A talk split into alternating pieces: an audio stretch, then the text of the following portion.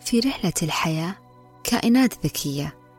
تتأمل تلاحظ وتستلهم الجمال والإبداع.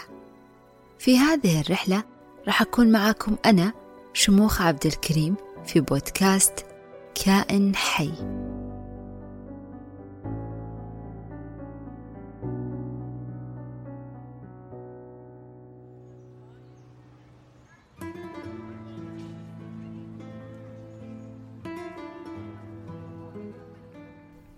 نزل ليربط حذاءه وبينما أصابعه تعبثان برباط الحذاء. كانت نظراته في مكان بعيد تماما عن قدميه. اعتدل واعتدلت معه قامته وبدأ يمشي كمن يبحث عن منفذ للهرب. كان الشاب يتموضع بطريقة لافتة للانتباه وأنا إحدى المنتبهات. قررت أن أنطلق خلفه مو لأني ملقوفة لا سمح الله لكن لأني للتو قرأت مقالة عن الطرق المجنونة واللي يشحذ بها الفنانين تركيزهم وإلهامهم. وها أنا ذا في محاولة لفهم من أظنه فنان يبحث عن إلهام. نسيت أقول لكم أني واحدة من هؤلاء الفنانين غريبي الأطوار أو كذا يسمون أي إنسان يبحث عن إلهامه بطريقته الخاصة. ما أظني أكثر غرابة من سلفادور دالي الأسباني رائد السريالية في العالم وصاحب الشوارب اللافتة والمشيرة إلى السماء في شموخ. سلفادور دالي اللي كان يؤمن أنه الفن والأفكار الخلاقة تجي للإنسان في حالة اللاوعي. وأفضل حالات اللاوعي هي ما بعد الاستيقاظ مباشرة. لذلك كان ياخذ قيلولته وهو جالس على الكرسي وفي يده مفتاح وعلى الأرض صحن. بمجرد أن يغفو يفلت المفتاح من يده ويطيح على الصحن. الضوضاء هذه راح تصحيه وهو في حالة لا وعي طبيعية. وهاتك يا تصاميم. المختصين اللي راجعوا عادة سلفادور دالي يقولون أنه وظف العلم بذكاء لاستخلاق الإلهام. هذا النوع من الغفوات القصيرة جدا يسمونها بالغفوة الهلوسية. وهي فترة هلوسة يربط الإنسان فيها أفكار غريبة مع بعض بإبداع. حركة مجنونة من سلفا دور دالي وكأنه يردد للمفتاح كلام أحمد رامي لما قال وعيني يمقى فيها النوم يمسهرني. أنا مالي ومال سلفادور دالي خلوني في نفسي. أنا بالنسبة لي اعتمدت كثير لخلق الإلهام وتجديد الأفكار على تكنيك غريب لزيادة التركيز. ولما أقول تكنيك أنا أقصد أي حركة أو نشاط أكرره والهدف منه أني أزيد من فترات الصبر عندي من جرعات النظر للأشياء والتدقيق فيها. ما أترك لشرود الذهن فرصة لكن أوجه بصري وسمعي وحواسي كلها وكأنها جهاز ليزر على شيء محدد. ليش؟ عشان أشوفه وأسمعه وأحسه بطريقة مركزة مو لأنه هذا الشيء جميل أو غريب. بل الهدف هنا رفع معدل تركيزي فيما لا نركز فيه عادة. التكنيك اللي أعمله يسمونه الإنصات الانتقائي. تمرين الإنصات الانتقائي هو اللي خلاني أطلع من شقتي الصغيرة وأتجه للشارع. وبالصدفة وأنا أتمشى في طريق الحديقة المرصوف بالحجارة رأيت ذاك الشاب الغريب. الشاب يرتدي جنس فضفاض شعره منفوش وجسمه نحيل لكن من الواضح من فرط حركته أنه يتحرك لهدف معين. هل هو رسام ويبحث عن منظر جمالي من زاوية معينة؟ أعتقد أن نزوله عشان يربط الحذاء ما هو إلا عذر واهي وخدعة لكل من في الحديقة عشان ما يلفت له الأنظار. نزول تكنيكي لكي يشاهد ذلك المبنى من زاوية منخفضة أو ما يسمى بزاوية عين الجرد. أعرف هذه الحيلة لأني أمارسها بحثا عن زوايا جديدة للتصوير في الأماكن العامة. لم أستبعد أنه هذا هو التفسير المنطقي لتصرفاته لأنه هذه الحيلة واحدة من حيل كثيرة أستخدمها أنا شخصيا عشان تطلع الصورة حلوة. فمثلا أحيانا وبكل جنون أجلس في درج عمارتي وأفتح باب الشارع وأتفرج على الرايح والجاي. أنتظر مرور أي كائن. رجل طاعن يمشي على عكاز. قط مشاكس يبحث عن مشاكل. بطة صغيرة تهت عن أمها. أنا على الدرج داخل بيتي وأرى العالم من فتحة باب العمارة. وكأنه الباب صار هو عدستي. الباب صار برواز. أشوف من خلاله الدنيا بطريقة مركزة وجديدة. وما يحتاج أقول لكم عن جمال الصور اللي التقطتها واللي لازلت أحتفظ بها. وما يحتاج بعد أوصف كم التركيز اللي اكتسبته من هذه الهواية واللي أزعجت جارتي وطبيعي تنزعج الجارة لأنه ما أحد فينا يحب أنه تكون هواية جيرانه التخييم على درج العمارة. أعتقد يا جماعة أنه هذا الشاب من نفس فصيلة دمي فصيلة أو ماي جاد فصيلة يا لطيف يا رب وبما أننا طلعنا قرايب في فصيلة الدم قررت أقترب منه وبشكل مباشر أطرح عليه هذا السؤال وأتأكد بنفسي. هل أنت رسام أو مصور؟ لحظتها كنت أتمنى أنه إجابته تكون بنعم. أحتاج أقارب لي في كيمياء الفن صراحة. راح أكمل لكم قصتي لكن بعد ما أشرح كلمتين ذكرتها قبل شوية. الإنصات الانتقائي. فكرة الإنصات الانتقائي مبنية على قاعدة تقول التركيز عملية معدية. إذا استطعت شحذ تركيزك على أمواج البحر فأنت ستحسن من تركيزك على أشياء أخرى ما لها علاقة بالبحر. الأزياء مثلا تفاصيل السيارة تحركات السحاب إلى آخره. التركيز عبارة عن تدريب على الصبر. الصبر على تجريد ما تراه أو تسمعه من الشوائب. الإنصات الانتقائي بالتالي هو تمرين يعلمك تسمع شيء واحد برغم أنه هذا الصوت يتداخل معاه أصوات ثانية. مثلا أنا زيي زيكم أسمع أغاني لكن بعد المرة الثانية أو الثالثة أجبر نفسي على سماع آلة واحدة في كل الأغنية. مثلا أركز مع الإيقاع وأعمل تضبيب أو فلترة لكل الآلات الموسيقية الثانية. أركز في صوت العود ونياحه وكأن باقي الفرقة الموسيقية أشباح لا وجود لهم ولا دور في المقطوعة. في الأغاني الغربية أحب أركز على الريفز اللي هي الجملة البسيطة القصيرة اللي تتكرر طوال الأغنية.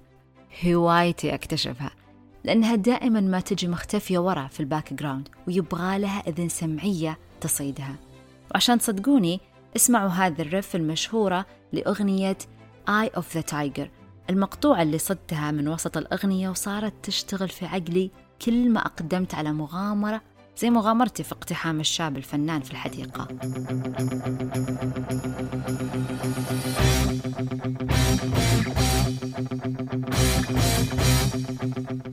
اقتربت من الشاب لم أرتعد ولم أخجل فمصورة مثلي ما عندها مشاكل في الاندفاع خاصة أنه معظم صوري هي صور مواقف تحصل في الأماكن العامة وأتعرض أحيانا لمواقف محرجة لكني أعرف تماما كيف أتعامل معها.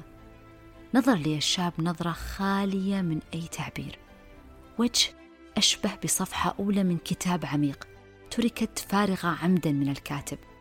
انتظرت أن يملأ الصفحة بسطر أو سطرين يشفون غليلي لكنه ترك الصفحة الثانية والثالثة حتى بدون كتابة.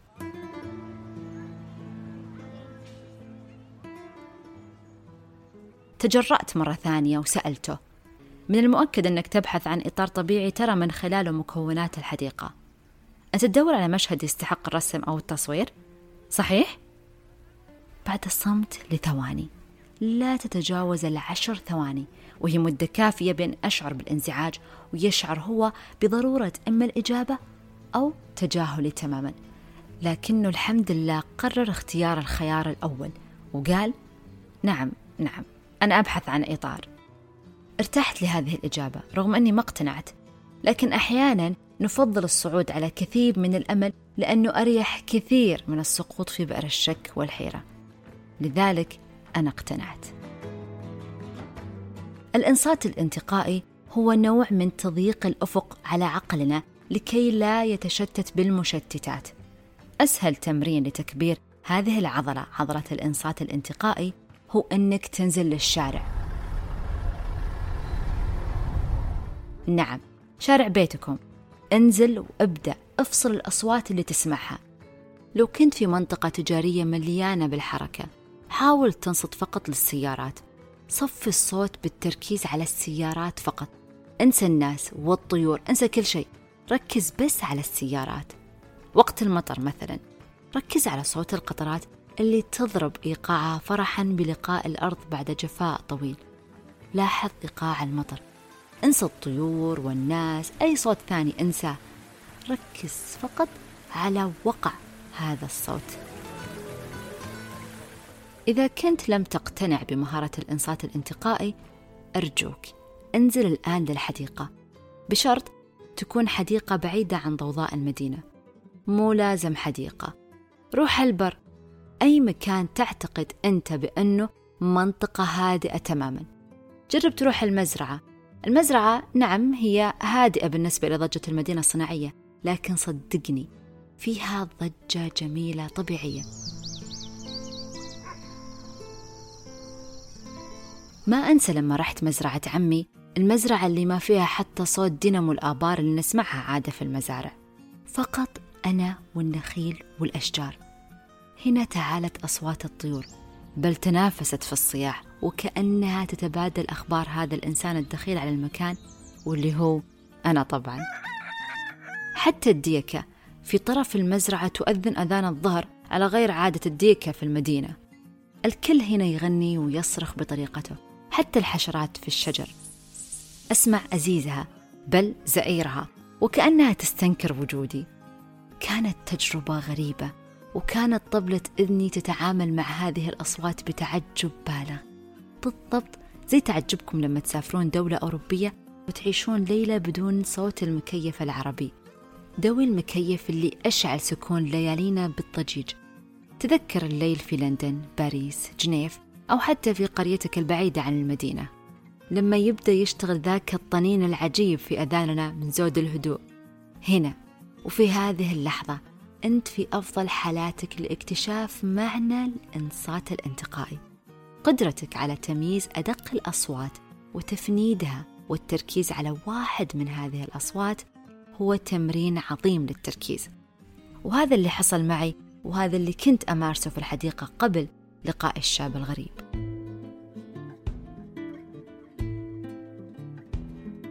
بعد ما جاوبني الشاب جوابه غير المقنع بأنه فعلا يبحث عن إطار اضطريت اقترح عليه شوية يخترع أو يكتشف بعض الإطارات في الحديقة. خلوكم معي لحظة يا جماعة. لما أقول إطارات فأنا أقصد فيها برواز طبيعي صنعته لك الطبيعة أو بلدية المدينة. مثلا شجرتين متقابلتين وتداخلت أغصانها من فوق. الشجرتين عملت شيء زي البرواز تحتها ومن بين الشجرتين أو من خلال هذا البرواز الطبيعي أقدر أشوف مناظر مغرية للتصوير. تقدر تشوف أمثلة على هذا النوع من البراويز الطبيعية في مقطع فيديو عمله الفنان البريطاني ونزله على اليوتيوب باسم 23 حركة من حركات النينجا. كان الشاب يمشي وراي بانصياع بينما أصابعي وكأني فتاة إيطالية تشير إلى كل مكان.